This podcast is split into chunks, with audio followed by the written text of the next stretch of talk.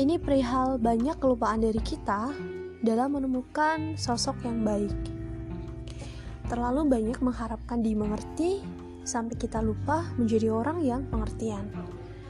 Terlalu banyak mencari rumus untuk bertemu dengan sosok sempurna sampai kita lupa bahwa sosok sempurna itu nggak pernah ada. Saking sibuknya kita mencari kriteria orang yang baik, kita lupa untuk memperbarui kualitas diri. Uh, jangankan sempurna, untuk still in a routinity and beyond aja itu masih sulit kita temui, ya termasuk diri kita sendiri. Satu orang yang kita temui tentu punya ciri khasnya. Begitupun 10, 100, atau bahkan 1000 orang akan semakin banyak luka, derita, dan amarah yang tidak berkesudahan kalau langkah kita selalu dibarengi dengan syarat harus mengerti. Terlalu rumit untuk kita bertemu dengan berbagai karakter orang kalau patokan kita adalah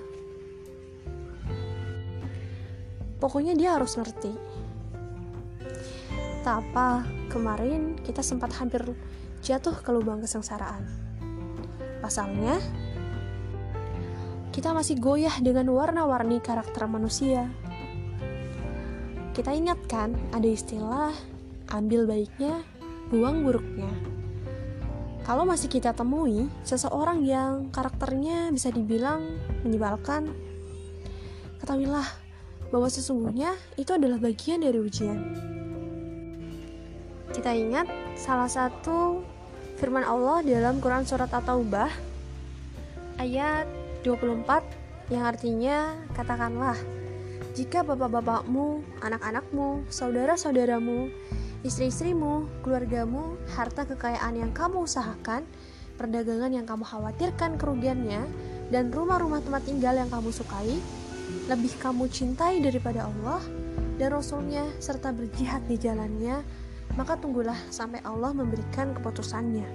Dan Allah tidak memberi petunjuk kepada orang-orang yang fasik. Jadi sudah jelas kan kalau orang yang kita temui juga adalah bagian dari ujian yang Allah berikan.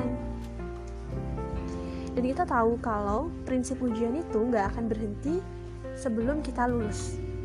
Next, mau ketemu yang begitu lagi atau atau naik kelas. Tentu kita yang menentukan menambahkan sosok itu gak salah. Tapi lebih baik kalau yang diutamakan baik itu ya diri kita sendiri. Maka seter seterjal apa pun kondisi ke depan kita sudah belajar kita sudah punya pengalaman kemarin. Bagaimana langkah kita untuk menghadapi karakter A, B, C, sampai Z pun diri kita sendiri yang memang belum sempurna ini. Gak apa-apa ya belajar